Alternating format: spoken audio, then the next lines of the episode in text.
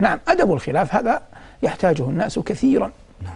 لأنه لابد أن يعرف أن الخلاف على قسمين نعم. خلاف ممنوع وخلاف مأذون به شرعا فالخلاف المأذون به شرعا يجب أن يتقبله الناس ويجب أن يكون الإنسان موطأ الأكناف يأخذ ويعطي ويقبل نعم. ويعلم أن كما أنني أنشد الجنة فإن أخي ينشد الجنة وكما أنني اتبعت إماما فإن أخي اتبع إماما وكما أنني أخذت بحديث فإن أخي أخذ أخذ بحديث فلا يكون فيه ارتياب. وأعظم من ذلك خطر أن يأتي الإنسان إلى أعراض علماء وأئمة كبار ثم يقدح فيها.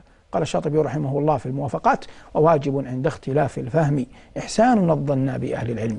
وواجب عند اختلاف الفهم إحسان الظن بأهل العلم. ثم قال وإن مصادمة الشريعة لا يرمى به فساق المسلمين فضلا على أن يرمى به علماؤها فيقول إنسان في عالم أو في شيخ والله ما أفتى إلا لكذا. أو والله يريد أن أو يفعل كذا. أو أو أو.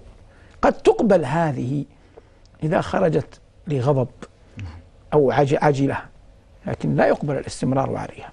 نعم. تدوينها ونشرها بين الناس.